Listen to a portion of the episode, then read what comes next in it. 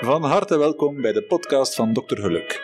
Een podcastreeks waarbij je weer een stapje dichter komt bij je allerbeste leven.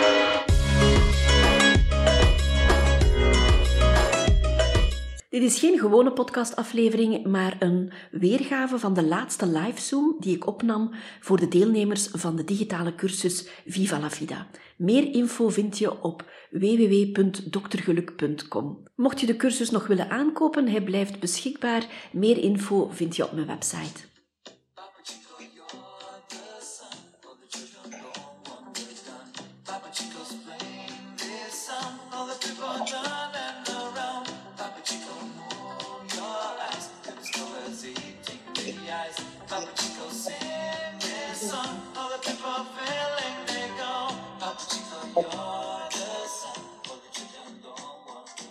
Goedemorgen. Voilà, goedemorgen. Dat liedje daar juist was Papa Chico. De mensen van mijn generatie kennen dat. Dat is een tip die ik ook doorgekregen heb. En dat is een liedje waar dat je altijd blij van wordt. Je moet dat eens proberen. Een liedje zoeken waar dat je altijd blij van wordt. Muziek gaat altijd naar het onbewuste. Je gaat, dat passeert de ratio eigenlijk. Je hoort die muziek, je hoort die tonen. Goedemorgen trouwens allemaal. Um, en dat gaat direct naar het onbewuste. Dus je gaat niet eerst denken van, wat voel ik? Wat heeft dat voor mij van betekenis? Die tonen gaan rechtstreeks naar, naar je ziel bijna. En dan uh, heb je direct emotie of heb je direct herinneringen. Dus een liedje zoeken waar dat je goed gezind uh, van wordt. Of een radiokanaal waar dat je goed gezind van wordt. Hoe zat het met de ergernissen? Ben je jezelf tegengekomen? Hoe zat het met de liefdestalen? De mensen die de cursus al bekeken hebben en die tot aan het hoofdstuk liefde geraakt zijn. Hoe zit het met de liefdestalen? Kan je dat toepassen op jezelf? Kan je dat zien in al jouw relaties? Dus die liefdestalen, bekijk dat eens. Dat is heel interessant, niet alleen voor je eigen relatie, voor je partnerrelatie, maar voor al de relaties in jouw leven. Hè. Soms denk je van, ze moeten mij niet hebben, of ze zien mij niet graag, of geven die wel om mij. En dan als je die liefdestalen zo verloopt, dan denk je van, ah ja, oké, dat is een liefdestaal die ik niet ken, maar die de ander wel gebruikt om mij graag te zien. Of om te tonen dat hij mij graag ziet. Hè. Ehm, als je mama vroeger vroeg van, uh, heb je het niet te koud voordat je naar school ging? Hè? Wees voorzichtig. Dat is ook een liefdestaal. Hè? Dat is ook zeggen van, ik geef om jou. Wees voorzichtig, ik heb graag dat je straks terugkomt. Um, het is nu klaar aan het worden buiten. Ik nodig je uit om straks buiten te gaan staan. Buiten, in het zonlicht te gaan staan. En echt, of er nu zon is of niet, maar de zon zit achter de wolken, er is sowieso daglicht. Dat gaat je helpen om s'avonds beter te slapen. Het heeft te maken met melatonine. En melatonine, de aanmaak van melatonine maakt het verschil tussen uh, slaperig worden of wakker en alert zijn. Als je buiten gaat, um, dan ga je dat mechanisme in gang zetten en ga je eigenlijk ervoor zorgen dat je overdag wakker bent, dat je niet meer slaperig rondloopt, hè. zeker niet als je gewoon in het daglicht blijft, in het, kunstlicht, sorry. Uh, maar dan ga je er ook voor zorgen dat je vanavond ook slaperig wordt. Hè. In de oertijd was er geen kunstlicht, mensen sliepen s'nachts en waren overdag wakker. Hè. Dus buiten komen elke dag binnen de eerste twee uur dat je wakker bent, dat is eigenlijk het beste. Gewoon buiten komen. En buiten staan en niet rechtstreeks in de zon kijken, maar gewoon buiten komen en, en het zonlicht op jou voelen. Hè. Sowieso gaat het uh, zonlicht op jouw netvlies vallen. Voilà, dat is een tip om de dag mee te beginnen. Straks na de Zoom, ga je eventjes buiten, al is het maar dat je je hoofd door het raam steekt, maar dat je echt niet van binnen naar buiten kijkt achter glas, maar dat je echt buiten staat. Hè. Ik had het gisteren met iemand over wensen. Eh, het is nu, ehm, de feestdagen zijn voorbij, we hebben elkaar van alles gewenst. En ik zei, ik heb haar een gezonde dosis werk gewenst. En de andere persoon antwoordde, oei, moet je niet iemand veel werk wensen? En ik zei, nee, helemaal niet. En dan zei, zei die, ja, ik heb nogthans mijn broer veel werk gewenst, want die heeft een groot huis af te betalen. En dan hadden we het daarover, dat is eigenlijk de omgekeerde wereld, toch? Hè? Hoeveel drama's heb ik in de huisartsenpraktijk niet gezien, omdat mensen zich vastzetten financieel. Omdat mensen moeten werken om een bepaald bedrag te halen, omdat ze anders echt strop zitten. Hè? En hoeveel drama's zijn er niet? Hè? Hoeveel zelfmoorden gebeuren, gebeuren er niet, omdat mensen denken van dit haal ik niet. Of hè, financieel is dit, niet meer, uh, is dit niet meer te redden, terwijl er is altijd een oplossing. Ehm, dus ja, waar had ik het over? Ah, ja, over iemand veel werk wensen. Kijk, dat is na voor jezelf. Dat, dat is ook in mijn hoofdstuk over geld. Hè. Dat vind ik heel belangrijk. Geld is niet zomaar geld. Daar zit zoveel achter. Hè. Hoeveel geld heb je nodig om gelukkig te zijn? Hoe hard moet je werken om aan die standaard te voldoen? En is die standaard iets wat jou gelukkig maakt? Hè? Ehm, ik heb nu geen auto meer. Ik heb mijn auto uh, per totaal gereden een kettingbotsing. Ehm, ik kan altijd wel zeggen, een auto is niet belangrijk. Ik vind allemaal niet belangrijk. Ja, tot als je natuurlijk zonder auto zit, dan is dat wel belangrijk. Dan mis je die. En dan moet je een auto gaan kiezen. En dan uh, komen er vooroordelen. Hè? Die auto toch niet? Oh nee, toch, toch geen zwarte auto voor mij. En dan beginnen al die, al die vooroordelen en al die limiting beliefs. En dat is eigenlijk ja, zot om jezelf dan tegen te komen. En je kan altijd wel zeggen, ik vind het niet belangrijk, maar op die momenten merk je dat je het wel belangrijk vindt. Hè. Maar ook daar weer moet je dan keuzes maken. Hè. Wil ik een dure auto en wil ik daarvoor dan hard gaan werken? Bij mij klopt dat niet, maar er zijn mensen die dat heel fijn vinden om in een luxueuze auto rond te rijden en die daarvoor met plezier hard gaan werken. Hè. Dus dat is ook iets wat je voor jezelf moet nagaan. Dat is altijd heel persoonlijk. Hè. Um, ik ben deze week naar Amsterdam geweest met mijn dochter en met mijn nichtje. Um, Oké, dat kost wel wat, hè? een hotel en, en ontbijten, ontbijten en, iets gaan drinken en nog iets gaan eten. Maar ik heb daar bijvoorbeeld geen kleren gekocht. Hè? Ik ga niet naar de solden, ik heb kleren genoeg. Dus ik spaar daar geld uit en ik ga geen kleren kopen. Dus ik ga met plezier die ervaring betalen van die twee dagen in Amsterdam met die meisjes. Want dat ga ik mij nog herinneren. En die, die nieuwe trui, ja, als ik er toch al heb, die, die nieuwe trui gaat mij niet zo gelukkig maken. Hè? Dus kijk dat ook eens na voor jezelf. Waarom koop je? Uh, wat probeer je daarmee te compenseren? En is het nodig? En, en wat moet je daarvoor allemaal doen om die standaard te behalen? Hè? Hoeveel geld heb je daarvoor nodig? Hoeveel dingen moet je daarvoor uh, voor afzeggen op een ander vlak? Misschien heb je geld genoeg, is dat allemaal geen probleem. Hè? Maar ook daar weer, als je dan heel veel geld uitgeeft, wat probeer je daar te compenseren? Hè? Ook al is geld zogezegd geen probleem, maar het feit dat je altijd moet kopen en altijd moet geld opdoen, zegt misschien ook wel iets over een onvervuld verlangen of zo dat je probeert uh, in te vullen. We gaan een oefening doen. Ik ga het vandaag nog hebben over twee dingen waar ik, waar ik het vandaag en morgen nog ga in hebben over in mijn lesjes. Hè. Ze zijn nog niet af. Het was de bedoeling dat dat vandaag ging af zijn, maar ik ga er vandaag en morgen nog lesjes opzetten. opzetten. Um, ik zou willen dat je nu allemaal je ademhaling gaat tellen. Ik ga op een timer, ik ga één minuut, ik ga jullie start zeggen dan, en dan, je moet nog niet beginnen. Maar ik zou willen dat we een oefening doen en dat je eigenlijk op één minuut gaat tellen hoeveel keer dat je gaat uh, ademen. Hè.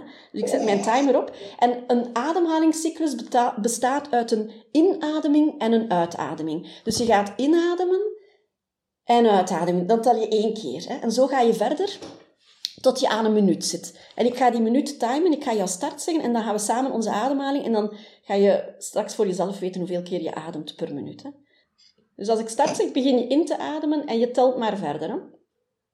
En dan ga ik je daar straks iets over vertellen. Oké, klaar voor te beginnen?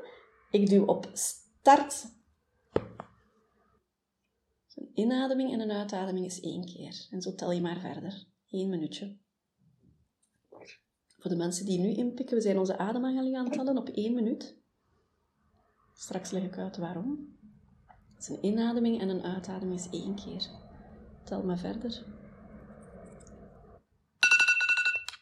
Hoeveel keer hebben jullie ingeademd? Je mag het in de chat zetten. Er is daar geen taboe rond, er is daar niks uh, ergs aan. Mm.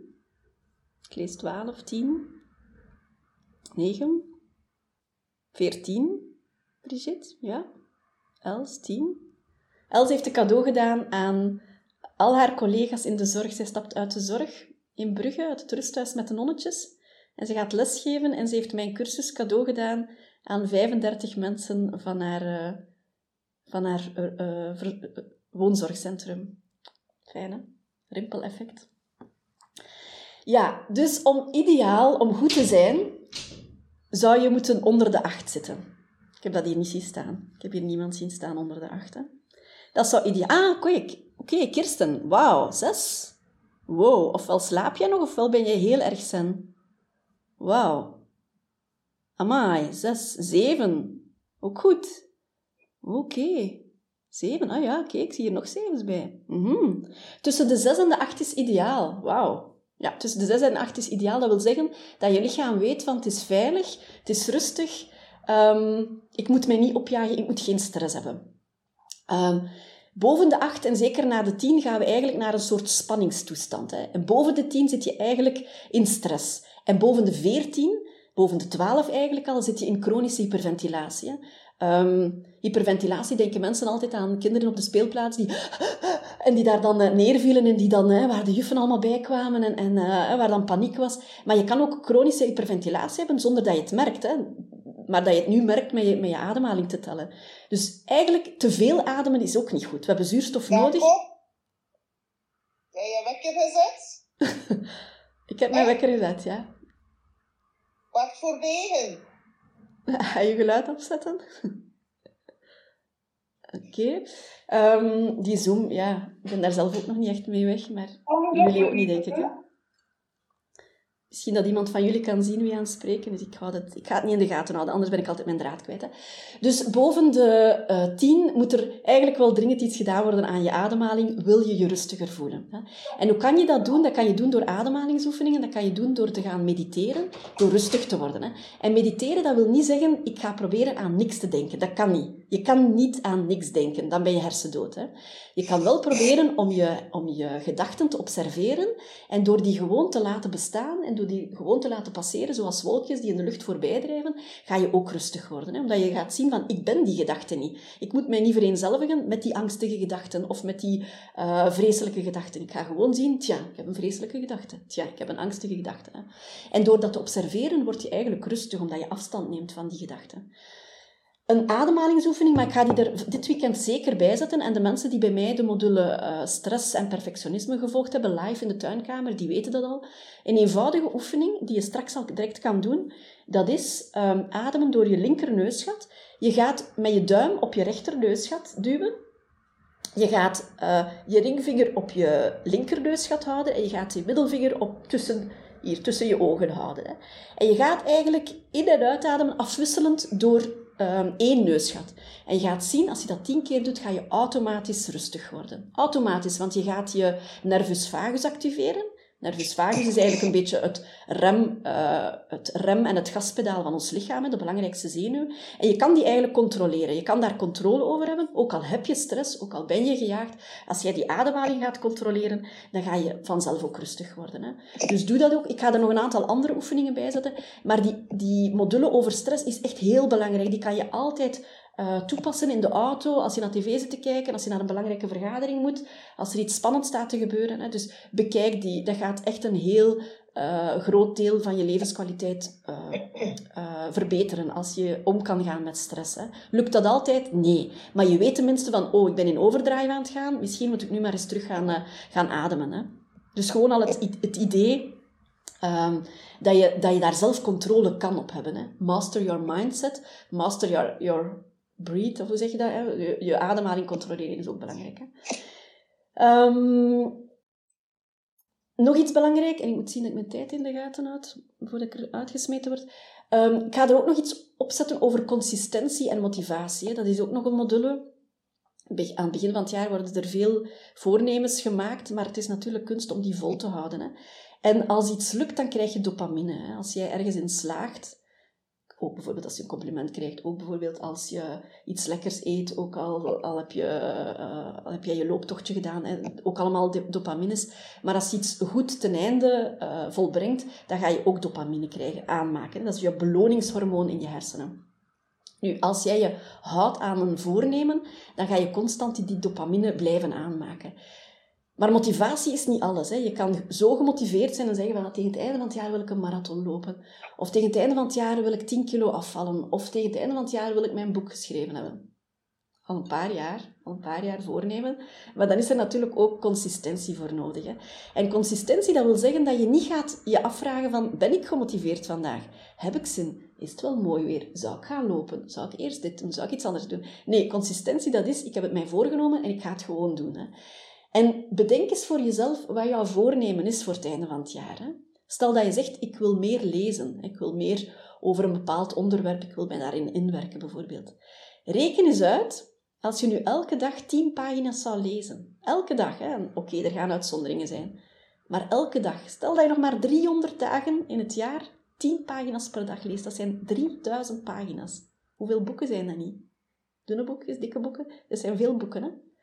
Als jij zegt van ik wil um, meedoen aan de dodentocht van Borne bijvoorbeeld.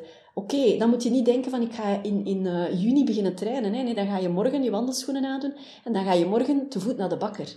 En dan ga je dat eh, de rest van de week ook nog eens doen te voet. Of dan ga je niet meer de lift nemen, dan ga je alles blijven te voet doen. En dan ga je volgende week weer een wandeling maken. Consistentie, en zo ga je er wel geraken. Hè. Ehm, als je wil afvallen, begin met gezond te eten en probeer dat vol te houden. Als jij per week 100 gram afvalt, dat is niet veel, hè? 100 gram, dan ben je op het einde van het jaar 5 kilo, meer dan 5 kilo kwijt. En 100 gram is niet veel. Hè? Dus hoe zou het zijn als je daarbij nog een keer extra gaat bewegen, nog gezonder gaat eten? Ehm, een belangrijke tip als je wil afvallen, want gewicht is niet alles, hè? het is de gezonde voeding waar, waar ik meer belang aan hecht. Hè? Maar weet als je aan het eten bent, dat er een vertraging zit. Ik vond dat een heel belangrijk inzicht. Hè. Tijdens een een of andere bijscholing, ik ben altijd blij als ik bij een bijscholing nog maar één uh, boodschap heb om mee naar huis te nemen, want er is daar heel veel bla bla, bla, bij. Ik heb nog tien minuutjes, zegt Zoom. Um, een heel belangrijke tip, als je aan het eten bent en het smaakt jou, en je hebt zin om nog bij op te scheppen, weet dat er een vertraging zit tussen je hoofd en je maag. Hè. In je maag zitten zenuwen, die maag gaat die zenuwen van die maag die gaan een signaal doorgeven naar je hersenen. Ben verzadigd, ben niet verzadigd. Hè? Maar daar zit een vertraging op van 10 minuten. Dus dat wil zeggen, als het eten jou smaakt en je denkt, ik ga nog wat opscheppen, wacht gewoon. Hè? Doe een babbeltje, pauzeer een beetje. En het kan zijn dat tegen dan jouw hersenen weten van, ik heb eigenlijk genoeg, ik hoef niet meer te eten.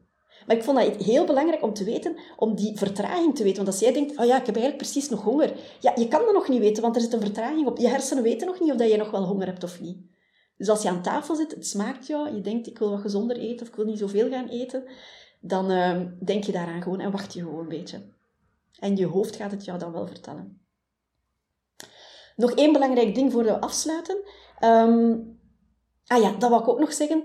Ik dacht vanmorgen, ik ga gewoon een, uh, een beloning uh, geven ik wil gewoon, je weet dat ik heel erg voorstander ben van dat rimpeleffect. Hè? En hoe meer mensen gelukkig zijn, hoe meer mensen rond die gelukkige mensen ook gelukkig zijn. Dus ik dacht, dit is mijn inspiratiebron natuurlijk. Hè? Um, leef vanuit je mogelijkheden, niet vanuit je beperkingen. Dat is een beetje de insteek van mijn cursus. Hè. Zij kon niet veel, maar ze heeft heel veel gedaan. Een van mijn heldinnen. Uh, dankzij Mexico, dankzij Muriel, dankzij de reis met mijn dochter naar Mexico, dankzij uh, wat ik vroeger al over haar gelezen had. Maar leef vanuit je mogelijkheden, niet vanuit je beperkingen. Als zij dat kan, dan kan jij dat ook. Als Mark Hermans dat kan, dan kan jij dat ook. Oké, wou ik zeker nog zeggen. Maar um, als jullie mij een mail willen sturen of op social media, Instagram of Facebook, gewoon iets willen zeggen wat jullie uit de cursus gehaald hebben, of iets wat jullie misschien niet uit de cursus gehaald hebben, maar een tip om aan ons te geven van kijk, dat is voor mij een lifehack voor een beter leven, Stuur mij dat alsjeblieft op. Ik ga dat allemaal verzamelen. En ik ga daar, hoe dat ik dat ga doen met die onschuldige winnaar, ik vraag me dat altijd af. Onschuldige hand, hè. ik weet niet hoe dat allemaal juist gaat. Maar ik ga dat eens uitzoeken. Ik ga dat echt onschuldig en echt objectief doen. Maar ik ga een, uh, een boekje verloten over, van Frida Kahlo. Dus iemand die mij, iedereen die iets gehaald heeft uit deze cursus, iedereen die nog iets bij te dragen heeft en die een tip heeft voor de andere mensen om ons leven beter te maken, mail mij Schrijf mij, uh, zet het op social media. Tag mij als je op Instagram of op Facebook zit. En dan ben je misschien de winnaar ofwel van mijn uh, boekje van Frida Kahlo, ofwel van een dankbaarheidsboek. Dat heb ik hier nu niet liggen. Maar ik heb ook nog een boekje waar je elke dag kan schrijven waar je dankbaar voor bent. Hè. Dus dat is voor twee mensen, voor twee winnaars. Hè. Maar sowieso zijn jullie allemaal winnaar, want jullie gaan toch iets opgestoken hebben van mijn cursus, denk ik dan. Hè. Er gaat ook nog een module komen voor mocht ik eruit gesmeten worden. Dank u wel allemaal om mee te doen. Dank u wel om vanmorgen op te staan en te kijken. Het gaat jullie goed allemaal. Um, we blijven in contact. Ik blijf wel uh, regelmatig nog een keer een mail sturen of zo. Maar nog iets heel belangrijk, de module over kindertijd. Ik heb dit fotootje op mijn bureau staan. Dat is kleine Saskia van vier jaar. Ik zou je aanraden, zoek ook zo'n fotootje. Ik had deze week Nee, ik had drie weken geleden een man voor de feestdagen die zei: Ik heb geen kinderfoto's, want ik ben thuis weggelopen op mijn 19. Ik zeg: Zoek er toch maar één. Dus noods bij een oude uh, kleuterjuf, maar zoek een fotootje. En bekijk dat fotootje en kijk hoe onschuldig je was en hoe vol mogelijkheden dat je zat. En dat jij eigenlijk niet verdiende als er iets slecht met jou gebeurde. Hè. Of ze nu kritiek op jou hadden, of ze zeiden dat je niet mooi genoeg was, niet slim genoeg was, niet handig genoeg was, um, dat je een ambetant kind was. Geloof het niet. Je was het niet. Hè. Je was een onschuldig kind. Je had, je had alle mogelijkheden in jou. Je was niet meer dan iemand anders, maar zeker ook niet minder dan iemand anders. Maar dit, hoe je hier dacht als kind, en wat, je hier, wat ze hier met jou al of niet gedaan hebben, is zo belangrijk voor de rest van je leven. Voor je, voor je limiting beliefs, voor je beperkende gedachten. Dus zoek een fotootje, een fotootje Bekijk dat regelmatig en kijk hoeveel potentieel er in jou zat. In elk kind. Hè. En besef dat ook als jij een kindje ziet. Besef dat een compliment veel meer doet dan kritiek. Een kind gelooft jouw kritiek. Een kind maakt niet het onderscheid tussen wat waar is en wat niet waar is en wat gezegd wordt doordat jij ambetant was of gefrustreerd was. Hè. Je hebt zeven complimenten nodig om één puntje van kritiek te neutraliseren. Denk daaraan als je een kind ziet. Denk daaraan als je tegen kinderen praat. Ik ga nog één verhaaltje vertellen. Het kan zijn dat ik eruit gesmeten tijdens dat verhaaltje. Dus heel veel dank om mee te volgen. Ik ga het verhaaltje vertellen van de witte wolf en de zwarte wolf. Dat is een verhaaltje eh, uit uh, de Indiaanse verhalengeschiedenis.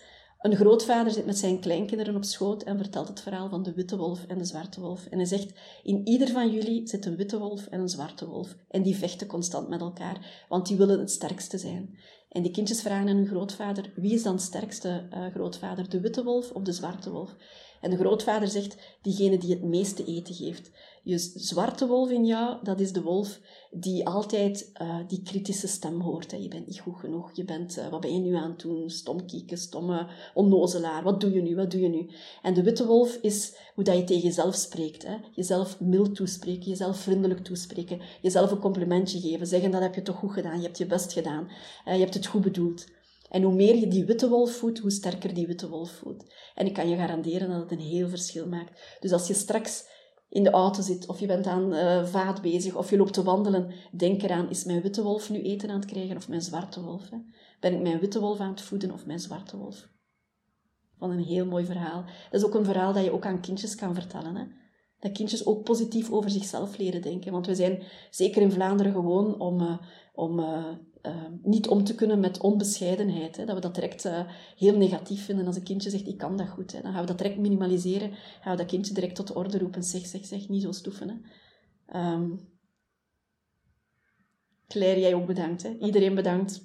Iedereen bedankt om mee te doen. En iedereen die een cadeautje gegeven heeft. Hè. Els onder andere, maar ook heel veel andere mensen die een cadeautje gegeven hebben aan anderen dat, vond ik, dat heeft mij eigenlijk nog het meest blij gemaakt. Hè. Dat jullie zelf de cursus kochten, ja, maar dat jullie hem cadeau gaven, dat was een teken van heel veel vertrouwen in mij. Dus dank je wel daarvoor. Is er iemand die nog een vraag heeft of die nog iets wil zeggen? Probeer nog eens naar de chat te kijken.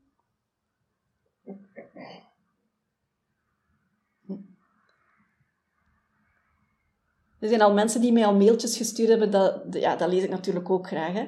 Um, dus je mag dat nog doen hè, als je feedback wil geven of als je ja, iets zegt waar je niet akkoord mee bent of waar je wel iets aan gaat Maar dus voor die wedstrijd, hè, omdat je graag dat boekje zou hebben van Frida Kahlo of het dankbaarheidsboekje, uh, schrijf mij, geef mij je ervaringen of, of uh, zet het op social media. Oké? Fijn weekend en lees de lesjes nog, ze komen er dit weekend nog op en ze blijven voor jou. Hè. Hm, dankjewel Frida. Marine is in de tuinkamer aan het werken. Marine is een heel bijzonder meisje die werkt met mensen rond trauma. En dat is de enige die in mijn tuinkamer mag werken. Dat is een heel bijzondere vrouw. Ze is bijna twintig jaar jonger dan mij. Zou ik jou ook aanraden om vrienden te zoeken in alle leeftijdscategorieën, in alle, in alle klassen, in alle nationaliteiten. Het is zo waardevol om uh, je vriendenkring, ja, om die niet, uh, ja, om die gewoon uitgebreid en heel divers te hebben. Maar Marine is daar een heel bijzonder pareltje van, onder andere. Je vindt mij terug op www.doktergeluk.com. Ik heb een Instagram-pagina onder Dokter Geluk, ook een Facebook-pagina onder eh, Dokter Geluk. En elke week ben ik er met een nieuwe podcastaflevering. Laat mij weten wat je ervan vindt. Geef mij tips voor nieuwe afleveringen. En abonneer je als je geen enkele aflevering wil missen. Weet dat jij aan het stuur staat van jouw leven. Dat jij de kapitein bent van jouw leven. Jij weet je waarden en je normen. Jij kan kiezen wat jou gelukkig maakt. Hou je goed en tot de volgende keer.